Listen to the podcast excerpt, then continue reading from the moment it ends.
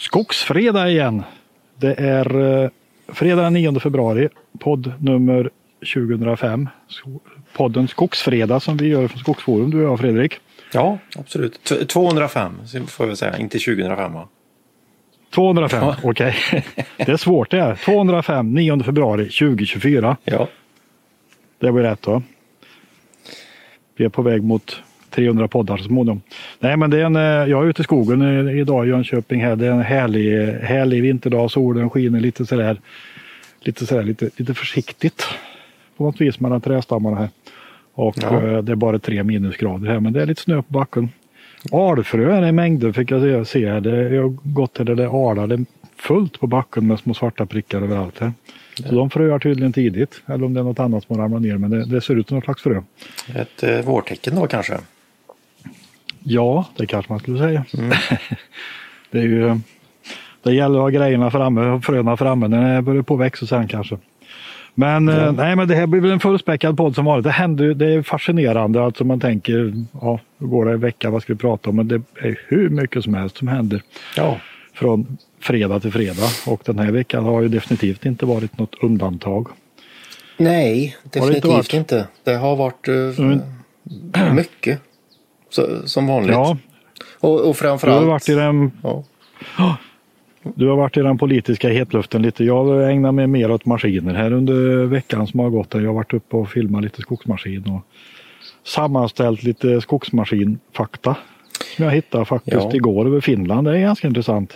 ja, precis. Jag jämför med Sverige. I Finland registrerar man ju både skotare och skördare. I Sverige registreras bara skotarna så vi har liksom bara halva marknaden här. Ja. Ehm, Det är lite synd. Det hade varit det- kul att ha haft som i Finland faktiskt. Ja, men jag tror att eventuellt är det på gång. Jag har hört något sånt att eh, man ska börja registrera skördar också. Men jag är inte Mm. riktigt säker på att det, att det är beslutat eller när det blir. Men, men man kan ju med hjälp av de finska, finska siffrorna över fördelning mellan skotar och skördar så kan man ju applicera de siffrorna på den svenska marknaden och se hur totalmarknaden ser ut då. Ja. Till viss del i alla fall. Ja, precis. Ja, där får du gärna berätta mer Och- om. Ja, nej, men i Finland så registreras det 647 skogsmaskiner i fjol och det var faktiskt lite fler skördare än skotare. Mm. Och det var i Finland en rejäl uppgång sedan 2022 för att eh, de hade också en dipp där. Det var svårt att få fram maskiner och sådär. va. Så jag tror att det ökar med typ 20, eh, 20 procent drygt. Någonting sånt där totalmarknaden. 23 procent eller vad, 25. I Sverige så, så eh, registreras det 440 skotare. Då har jag räknat med de här mindre maskinerna för de fanns med även i statistiken i Finland. Då. Ja. Typ eh, Terry och Malva och Vimek och de här. Då är det 442 skotare. och, skulle man, och, och det var då en ökning med, med 44 procent jämfört med året innan. Det är rätt mycket. Ja, det är ju. Men, men om man använder finska fördelningssiffrorna med skotare och skördare så indikerar det här ju att det såldes kanske nästan 900 skogsmaskiner i Sverige i fjol. Eller registreras. Levererades och registreras med skördare och skotare inklusive Terryman och Vimek då. Det är inte så lite. Nej. Det, Det är världens största skogsmaskinmarknad för ja, troligtvis alla kategorier. Ja, visst är det så. Så det är ju det är häftigt. Ja, ja. Men det finns många tillverkare i Sverige och Finland och det finns många företag som levererar till tillverkaren. Så det är, en viktigt, det är ett viktigt ekosystem av, av maskinteknik för skogen som finns här. Ja, ja. Visst är det så. Sen så är det ju spännande. Jag, jag, jag tycker det är lite extra kul att eh, du har lite skillnader mellan marknaderna beroende på, på märke. Jag vet att eh, Finland är ju Ponsse väldigt starka i. Ja, Och- de har mer än 50 procent, 55 procent marknadsandel, 54 procent marknadsandel. Ja. Och eh, de är ju finska. Och i Sverige så är ju John Deere eh, marknadsledande. Och de är också finska kan man säga med sin fabrik i Joensuu. De tillverkar i Finland och ägs av amerikanska ägare. Ja. Precis. Jo, nej, men jag tror att det var en bit över 80, eh, 80 procent av maskinerna som säljs i Finland tillverkade i Finland och i Sverige så är det bara drygt 40 procent. Så det är fler finlandstillverkade maskiner som säljs i Sverige än svensktillverkade. ja. I, I Sverige har du ju Komatsu, Ecolog och Rottne. Då, och sen har vi även Malva, Vimek och Terry i Sverige. Mm. Men, eh, så den finska skogsmaskindominansen är ju förkrossande i Finland men även i Sverige faktiskt. Ja, och allting, eh, Det är ju små saker som oftast eh, eh, påverkar stora saker. Jag vet när vi var i Finland på John Deere så, så pratade vi om eh, just fabriken och historien och eh, ja. om vi skulle tro eh, de finska cheferna som vi pratade om där så, så var det väl en diskussion på typ Timbiak-tiden va? Eh, och ja. det var en ganska, om jag, om jag tolkar det rätt som de sa så var det vart ska, vart ska den nya fabriken ligga? Och det var inte alls säkert att den skulle ligga i Finland. Utan det var nästan över en, över en kaffekopp så valdes Finland. Det kunde lika gärna bli, blivit ja. Sverige. Och, det kunde ha varit Filipstad, men de hade ju tillverkning, tillverkare skördare Filipstad. Ja, ja precis. Timberjakt-tiden. Ja.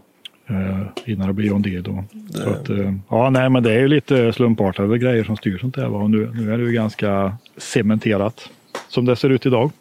Ja, men jag tror att ändå att om man tittar på John Deere där då, så, så, är det ju så att de, jag tror att varumärket lever ju kvar från ja, de, fin, de svenska anorna, om du förstår vad jag menar. Typ ja. Filipstad. Då.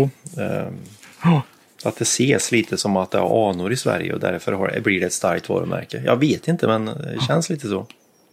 Ja, Ja, nej, men det är ju det är intressant att se. En, en, annan intressant, eller en intressant skillnad som är, alltså skill, en skillnad är ju hur marknadsandelen är fördelade för det är ju, är ju Ponsse marknadsledare i Finland med väldigt stor marginal och sen är, är um, Komatsu och John Deere. De är väl Komatsu 3, John Deere 2. Och i Sverige är väl John Deere som är ledare och Komatsu 2 och Ponsse 3. Mm. Men, men eh, tittar man på de tre största tillverkarna i Finland så har de 95 procent av marknaden. Så det är liksom inte mycket syre kvar åt andra tillverkare. Nej, det, det är så. Eh, så det är en ganska tuff, tuff marknad att vara inne på. Det är beundransvärt av alla mindre tillverkare som kämpar och försöker tycker jag. Som är med och bidrar till utveckling och, ja. Och diversitet. Ja. Men, eh, men det är skillnad på om man tittar på storleken på maskinerna skiljer det mellan Sverige och Finland. Det är rätt intressant faktiskt. Ja. De är det finns, större i Sverige va? Det, det, ja, de är större i Sverige i snitt. Ja, ja men de är de här största skotarna som är typ lastvikter på 20 mot 25 ton. Då, typ Ponsus uh, Mammut till exempel eller John Deere 1910 och Komatsu 895. De säljs inte i Finland nästan överhuvudtaget. Då. Mm. Jag tror knappt de är med i registreringsstatistiken. Eh, så det verkar inte finnas någon marknad för dem där. Och i Sverige så står de med stora maskinerna för 50 procent av marknaden nu senaste 20, i fjol. Mm. Men det gäller ju även de minsta maskinerna, alltså de här ja, de med lastvikter, skotarna med lastvikter upp mot 8 ton, då, alltså typ Vimic Terry, Malva de eh, existerar ju nästan inte i Finland, någon enstaka maskin, men väldigt lite. Ja. Eh, så att det är väldigt liksom snävt mittensegment i Finland. Jag vet inte vad, mm. vad det kan bero på. Har du några teorier om det? Det är väl någon form av uh, inarbetad uh, hävd. Precis som jag gissar att det är delvis i Sverige, tror inte det? Ja, kanske, men jag kan tänka igen för du, du är mycket mer privata skogsägare i Finland, mycket mindre fastigheter och kanske, jag vet inte om det är så, men det kan vara så att hyggena är lite mindre och köravstånden kanske är lite kortare i Finland också än vad det är i Sverige. Och, mm. och um, det gör väl kanske att man går mot det här hållet och har någon slags mittenstor allroundmaskin som man kan använda till både gallring och slutavverkning på. Mm.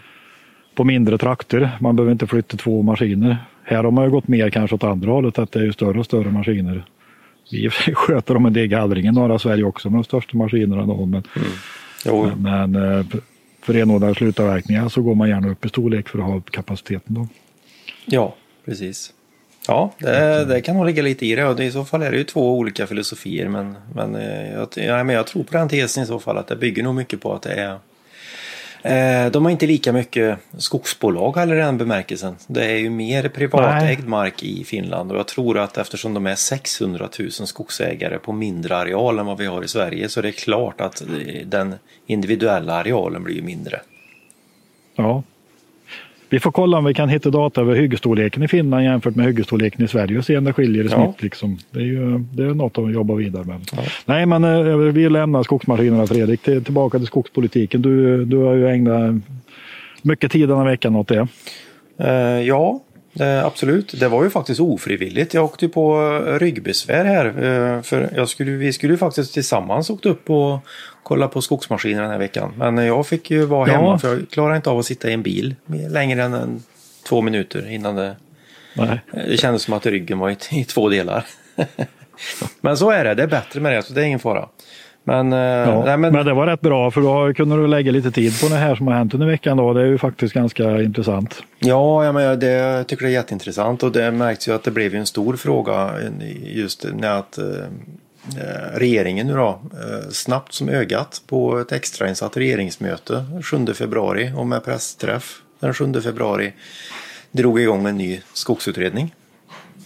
Ja, Eh, och eh, detta till trots att den förre blev klar för ungefär tre år sedan. Så det, det duggar tätt mellan skogsutredningarna just nu. Men, eh, Ja. Peter Kullgren var ju på pressträffen och sa att fick frågan varför gör ni en ny när det precis har kommit en typ. Eh, och då var det ju att... eh, vad svarade han på det? Ja, nej, men den här har ju en annan inriktning. Den här har ju en inriktning mer på tillväxt i skogen. Eh, ökad tillväxt i skogen och att eh, vi ska värna om skogsindustrin. Mm. Eh, så jag kallar det lite skämtsamt för en skogsindustriutredning när jag skrev om det på i skogen här i veckan. Eh, Ja, För det kan man nästan säga att eh, det i stora delar är faktiskt. Eh, Men, men eh, det fick ganska stort genomslag. Det har varit mycket diskussioner och, eh, och så. Eh, P4 Jämtland hörde av sig så jag var faktiskt med i radion också. ja. Då ville tagit någon neutral part som inte företrädde någon ytterlighet i skogsdebatten. Ja, visst, visst. Absolut. Och, så, men, men det märks ju att det är ju hög... eh, Det är ju verkshöjd när det kommer sådana här saker. Ehm, definitivt. Men det som är intressant att, diskutera i de stora bitarna där, det var väl att ja, dels så blev det ju Göran Nelander som blir utredare, tillsatt utredare för Ja. den här skogsutredningen. Och eh, han, han ska ge sitt delbetänkande om ett år, eh, 31 december 2024 och hela utredningen ska vara klar i augusti 2025 tror jag. Så det är Ja. typ ett och ett halvt år vi snackar om här då. Och eh, innehållet är också väldigt intressant eh, för där ger ju regeringen Eh, Det är ju ofta så att politiker pratar, eh, oftast när de får frågor från, eh, från journalister så brukar de säga att nej men det kan jag inte uttala mig om för vi kan ju inte vara inne och detaljstyra. Poli, Nej, politiken, kan, poli, politiken kan aldrig detaljstyra men eh, i skogsutredningen så kan man nog säga att här går det alldeles utmärkt att detaljstyra. för, för det, Ja, vissa delar. Det finns, ju, det finns ju någon slags ramverk för utredning och sen finns det detaljer där man går ner liksom på väldigt specifik ja, önskenivå. Men ska vi börja med det stora då så är det, så är det ju det att eh, den här frågan om ersättning för artskydd. Eh, Ja. Den väljer alltså regeringen att inte ta med i skogsutredningen. Ja, det är ju rätt fascinerande och Ja. det kommer ju rätt mycket kritik från, från inte minst skogsägarhåll nu att det inte finns med. Ja, jag tror att kritiken Eh. är nog uh, unisont bred över alla led skulle jag vilja säga. Ja, om just det här med artskydd och ersättningsfrågan. Ja, nej, så den behöver alltså inte utredas i den bemärkelsen utan det här ska skötas, artskyddsfrågan ska skötas hos eh, departementet. Eh, Ja, klimat och eh, vad det nu heter, bla bla bla departementet. Eh, liberal, Liberalernas miljö och, och eh, klimatdepartement. ja, eh, så. Och det där är ju väldigt intressant att teorisera om varför de gör så här. Eh, personligen så skulle jag ju tro att att de har ju insett att, eh, att artskyddsfrågan är ju den stora delen i en skogsutredning. Och eh, den är alldeles för viktig. Eh, de säger själva att den, den behöver snabbbehandlas. Så eh, de tycker troligtvis att ett och ett halvt år eller ett år är för lång tid. Så troligtvis så kommer det ju hända någonting under det här året då. Ja, man kan ju hoppas det i alla fall för den, här, den frågan den ligger ju liksom som en blöt filt överallt idag i skogen för den blockerar ju väldigt mycket. Då. Alltså det, vad du än tittar på så hamnar du där i slutändan någonstans. Eh, och det, det chokar ju upp Skogsstyrelsens arbete. Ja. Eh, eh, och, och här finns, men det finns ju en koppling mellan artskyddsfrågan och det här uppdraget också. Framförallt om du tittar på det som var detaljspecificerat. Ja, de, regeringen eh, ska, ger ju Ölander i, utred, eller i uppdrag att titta på om det går att i princip ta bort avverkningsanmälningarna för privata skogsägare. Ja. Det är mellan raderna, jag sa det nu. Det handlar alltså om att om att eh, ta bort anmälningsplikten eller höja anmälningsplikten från idag, idag 0,5 hektar upp till 5 hektar. Ja. Och att eh, det skulle ske i någon form av egenkontroll istället. Då. Men, mm. men det är ju här som det, det, det är ju här det kraschar. För jag tror att artskyddet som så kommer vi inte ifrån. Det, det, det finns stipulerat dels i svensk lag och sen så i miljöbalken, ja det är ju svensk lag. Och, men även EU på EU-nivå. Och då är det även sådana här större, eh, nu kommer jag inte ihåg exakt vad, vad de heter, men då Montreal avtal finns det någonting va? Ja, det var ganska nyligen va? Ja, som jag tror... Biologisk mångfald av arter. Ja, som jag tror det är... Det Sverige har förbundit sig att vara med ja. på en rätt hög nivå. Ja, precis. Eh, men det som är lite tragiskt i den här kråksången då, det är att, det är att de vill utreda eh, i princip då en fri avverkningsanmälan. Eller eh, fri avverkning för privata skogsägare. Och det kan man tycka mycket om. Jag, jag kan tycka ur en viss vinkel så kan, så kan ju det naturligtvis bli en lättnad för privata skogsägare, inget snack om saken. Och det, det, här fick en positiv respons, inte minst på Skogsforum i kommentarerna så har väl det varit och, och rent generellt att ja men det är klart det, att skogsägaren ska bestämma det själv och att man får bort liksom detaljkontrollen. Men jag tror att risken är att man lurar sig lite här. Då. Ja, och det är här det blir komplext för då säger de till eh, Ölander då att han ska ju, den här skogsutredningen då ska utreda bland annat då eh, om regelförenklingar i miljöbalken som har med det här med kunskapskravet att göra. Och kunskapskrav och egenkontroll det, det sätter jag lika med tecken på. Så i, i de värsta av världar så kan det ju vara så att det blir fri avverkning hos privata skogsägare. Men man riskerar att efter den, den fria avverkningen hamna i tingsrätten i miljöbalken. Ja. Ja. Och då är det ju, då är det ju frågan vilket håll går vi åt då? Troligtvis det sämre. Nej. Om du frågar mig. Ja. Nej men det, är ju, det finns en jättestor risk i det här som, som är eh, och, och, i den här egenkontrollen som eh, det är väl så det ser ut nu lite grann till viss del också att man har har släppt lite grann. Men, men eh, du har ju ett väldigt stort åtagande själv som skogsägare kunde definiera om du har naturvärden eller inte eller, eller rättare vilka naturvärden du har. Va? Ja. Och risken är om, du, om det här släpps helt och hållet då från myndighetens sida att du sitter med allt det där själv. Mm. Vilket då kan bli ganska komplicerat. Så. Ja.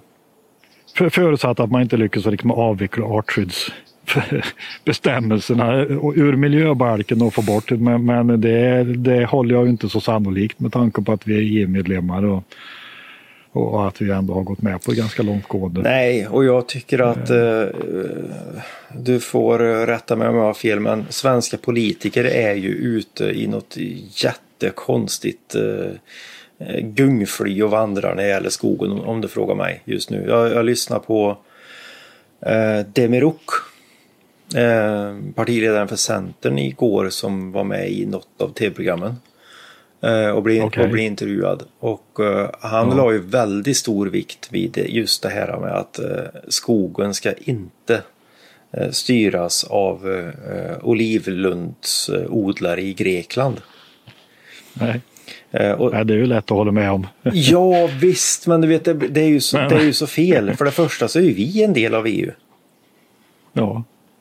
EU eh, e styrs ju inte av Grekland. Nej. Utan det styrs ju av alla.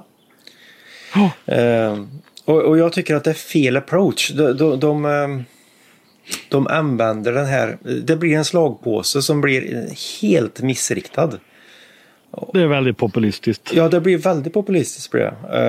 Uh, och jag tror att det här går alltså rakt över. Här behöver vi inte ens dra någon, någon färg på politiken.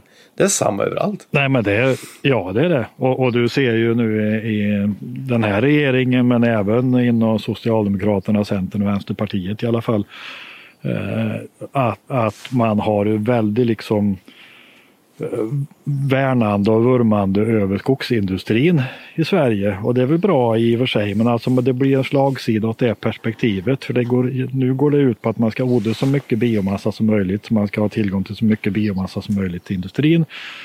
För att kunna ha skogsindustrin med som en del i klimatomställningen. Då. Mm. Eh, och det skulle kunna funka jättebra eh, på många sätt. Men vi har pratat om det ganska mycket förut att svensk skogsindustri är ju inte kanske helt optimal utifrån ett klimatomställningsperspektiv heller. Nej. Med tanke på otroligt mycket kortvariga produkter och mycket koldioxid vi bränner momentant i processerna. Då. Eh, ja. Så, så, att här finns ju det, det finns någon slags blind fläck. Tror jag. Eh, definitivt och det, det som jag ville komma till som lite som kärnan i det här det är ju lite som att man skulle kunna eh, jämföra det med som att eh, man argumenterar om ett ben är brutet eller inte. Ja. Eh, benpipan står ut ur skinnet på dig. Eh, du har otroligt ja. ont men du argumenterar fortfarande nej det är inte brutet. Nej. Där, det är på den nivån för ja. vi sitter ju i, här, det spelar ingen roll vad man tycker. Man kan tycka jätteilla om EU och Parisavtal och FN och allt vad det nu kan vara. Eller du kan tycka jättebra om detsamma. Ja. Fakta är att vi sitter i den här båten. Ja. Jag tror inte att Sverige som minoritet ens i avtal med Frankrike och Finland klarar att häva de här eh, regelverken som nu är satta som grundar sig i Parisavtalet egentligen. Det handlar ju om att riva upp Parisavtalet i så fall. Om de tror att... Ja. Och det är en utopi Nej, men Det är tyvärr. lite långsökt va? Ja, det, är, det är liksom långsökt. Det är lite oansvarig politik att bedriva sånt. Liksom. Det är ju väldigt, eh, väldigt svårt. Ja. Kan man tycka. Va? Och jag tror att eh, istället, det blir någon form av elefant i ett rum. Eh, och det, det är ja. ju den som måste tas tag i. Och det är det som inte har gjorts på några år nu. Och det kommer bara bli värre. Och risken är stor att det kommer bara bli värre. Det finns ju en stor paradox i det här. Det är att Ölander kan ju bli den som blir tvungen att framföra hur vi ska reglera avverkningen i Sverige för att klara LULUCF-betinget. Ja. I den här skogsutredningen. För att det finns ju en antydan till att den ska koppla till EU-lagstiftningen och till EU-målen. Både vad vi har för något idag men även hur vi ska kunna påverka. Då. Ja. Um, och där finns ju, alltså vi, har pratat om det rätt mycket förut, att vi har ju en situation där tillväxten sjunker och avverkningen har ökat, avgången har ökat. Så att vi har svårt, om, när, när mätvärdena kommer ikapp så att säga, så kommer vi ha svårt att klara av LULUCF-åtagandet som då blir större, som då är större för oss. Ja. Och vad ska man göra då? Det finns ju inga regleringsmekanismer för det idag. Ska staten köpa en massa kolkrediter någonstans om det finns någon som har något att sälja? Eller ska vi gå in och tvångsskära ner någonting inom skogsbruket och hur ska det i så fall gå till då? Är det Sveaskog som ska ta smällen eller är det, är det något annat? Ja, det, det, det, den frågan må ju hanteras i skogsutredningen kan jag tänka. Ja, eh, det, det tror hur jag man ser på det. Ja, absolut. Eh, definitivt. Och, och sen så kan jag tycka att det är för att återigen trycka på det här kanske mest åt politiska hållet då. Just det här med hur, hur de hanterar de här frågorna nu då. Att de säger att eh, snuset och skogen det är en svensk angelägenhet. Det ska inte styras av ja. några olivlundar i Grekland och så vidare och så vidare. Eh, det tycker jag är ganska intressant och speciellt om man tittar nu på vad EU kommunicerar ut. Det var alltså ungefär samma dag eller dagen före i tisdags så kom ju EU-kommissionen med en med en avsiktsförklaring eller en, en större pressrelease om hur tar vi nästa steg för att klara den här gröna given, alltså Parisavtalet ja. till 2050. Och då vill de hitta ett nytt delmål nu, att vi närmar oss snart 2030 där vi ska ha ett delmål för hur vi ska nå klimatomställningen. Ja. Sex, år kvar. Ja, men nu vill de även ha Knappt. ett delmål till 2040. Ja. Och då är det ganska intressant att vi säger liksom att eh, här i, nationellt inom Sverige så är det ju liksom att EU är dumma. Eh, de vill eh, lägga en våt filt över hela skogsbruket. Och mm. det är bara kolsänka i skog och så vidare och så vidare. Men då står det alltså på första sidan i pressreleasen att fram till 2040 så anser EU-kommissionen att en väldigt viktig del är bioekonomin och speciellt trä för byggnation. Ja. De tar alltså med det i samma stora frågor som att minska fossilberoendet. Så är skogen ja. med. Ja. Och detta plockas ju upp om man läser, eh, om man läser media utanför Sverige. så är det ju flera lobbyister och, och skogsindustriorgan utanför Sverige som lovordar det här. Jag menar, de, de, Ja. de bara applåderar ju. Ja. Det är ju som att ta... skogsländer som eh, Österrike och Ja, visst. du har några fler som, som tycker att det här är bra. Men de har en annan struktur på sin industri också där än vad du har här. Här har vi liksom, du har ju eh, kärnan i det här, det är ju HVP. Vad kallas det för? Harvested Wood Products. Ja, Som man får eh, tillgodoräkna sig i LULUCF-beräkningen. ja, Alltså den kol som binds in i produkter som är långlivade. ja. Eh, Så enkelt är det. Jag ska säga byggmaterial från skogen så kan man ju säga att det ingår i LULUCF. Så det handlar inte Ja. bara om liksom att, att man avverkar si och så mycket utan kan du visa på att du har gjort si och så mycket byggmaterial som kan byggas in i 50 år. Ja men då får du tillgodoräkna dig det i LULUCF. Ja. Och då säger ju folk eh, i debatten att ja men stockar är runda och byggmaterial är fyrkantigt. Ja, Och då har vi en fantastisk industri som kan förädla det här skillnaden mellan runt och fyrkantigt och göra, göra kartong och papper och annat av det. ja, Bränsle. Men det är ju faktiskt så att det finns ju många som förädlar den där mellanskillnaden mellan fyrkantigt och runt till andra produkter som används i byggnation och som därmed blir långlivade. Och det gäller till exempel skivmaterial, byggkomponenter och eh, isolering. Exakt. kom det banne med en räv och stryker förbi det. Var kul. Ja, det var kul. Och se, och se en räv i direktsändning, det är synd inte det är tv jag tänkte säga. hörde ni räven? Nej, den hörde inte. Den är 50 meter bort. Ja. Ja. Nej, men det, HVP är ju ett sätt att eh, hjälpa till med. Då skulle vi kunna fortfarande avverka, avverka ganska mycket skog och ändå ha en bra LULUCF-status. Ja, men det är ju så systemet är uppsatt. Det är en morot alltså. Ja. Jag menar, använd den kolsänkan som skogen har skapat. Använd det till ytterligare kolsänka i till exempel byggnader och du får tillgodoräkna dig det. Men det är någonting, vi pratar inte om det här i Sverige. Nej, har, du, har du hört någon som pratar om att vi ska eh, ut, jobba mer för att utveckla andra material? Nej. Annat än det som kommer från massabruken och cellulosan. Nej. Det pratar man mycket om att utveckla batterier och glas och tyg och allt möjligt. Ja, ja, visst. Men, men, men eh, utvecklingen av träråvaran utan att koka den, det finns ju noll och intet. Nej. Nej, det, det, eh, och så, nu lyssnar ni på Skogsfredag så ni vet ju vad det handlar om. Men eh, man- skulle kunna säga att elefanten i rummet är tillverkad av sulfatmassa. Det är väl dit hem vi vill komma eller? Ja, det är väl lite där. Vi hamnar där. Ja. Folk tycker att vi är negativa mot svensk skogsindustri, att vi dissar svensk skogsbruk, men det gör vi ju inte. Nej. Utan vi tycker att man kan göra saker och ting på ett annat sätt och bättre. Ja, Vi, vi gillar ju skogsbruk. Jag har inget emot att avverka träd och jag är ingen, eh, ingen hyggesfrivurmare heller. Eh, Som jag tror får alldeles för mycket spe, spelrum i, i debatten. Liksom att man tror att man löser allt genom att Nej. köra hyggesfri avverkning. Skogen. Vilket, vilket man inte alls gör. skogen ska användas. Definitivt. Ja, man ska ju bruka skogen, Ja. man ska göra det på ett förståndigt sätt. Ja, absolut. Så, Så att, eh, eh, nej men eh, eh, så enkelt är det. Det, det är ingen Ja. snack om saken. Men vi har inte pratat virkespriser än idag. Nej, men har jag en rolig sak som vi kan eh, börja vi kan påbörja avslutningen med det. Ehm, Ja. Och det blir ju lite av en lokal natur men ehm, jag, får, jag kommer tyvärr att vara väldigt knapphändig med informationen för jag lovar inte sagt någonting egentligen men eh, vi har börjat fått nettopriser i Värmland på slutavverkningar som börjar hamna runt 900 kronor. Fubben. FUB. 900 kronor fubben Netto. netto. Mm. Ja, det, är, det är dubbelt så mycket som det var för inte så länge sedan. Ja, visst är det så. Och det är ju hur intressant som helst. Vi har ju faktiskt pratat lite både du och jag med folk i branschen den här veckan och, det är ju man skulle kunna sammanfatta det som att det är ett fullständigt kaos på virkesmarknaden. Det är en mycket dynamisk virkesmarknad för tillfället där det rör på sig De väldigt mycket. skriker speciellt efter grantimmer. Ja, Det är total panik. Ja.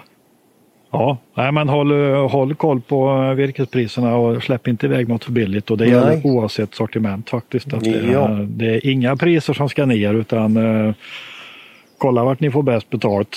Det finns alltid någon som är beredd att betala i dagens läge. Ja.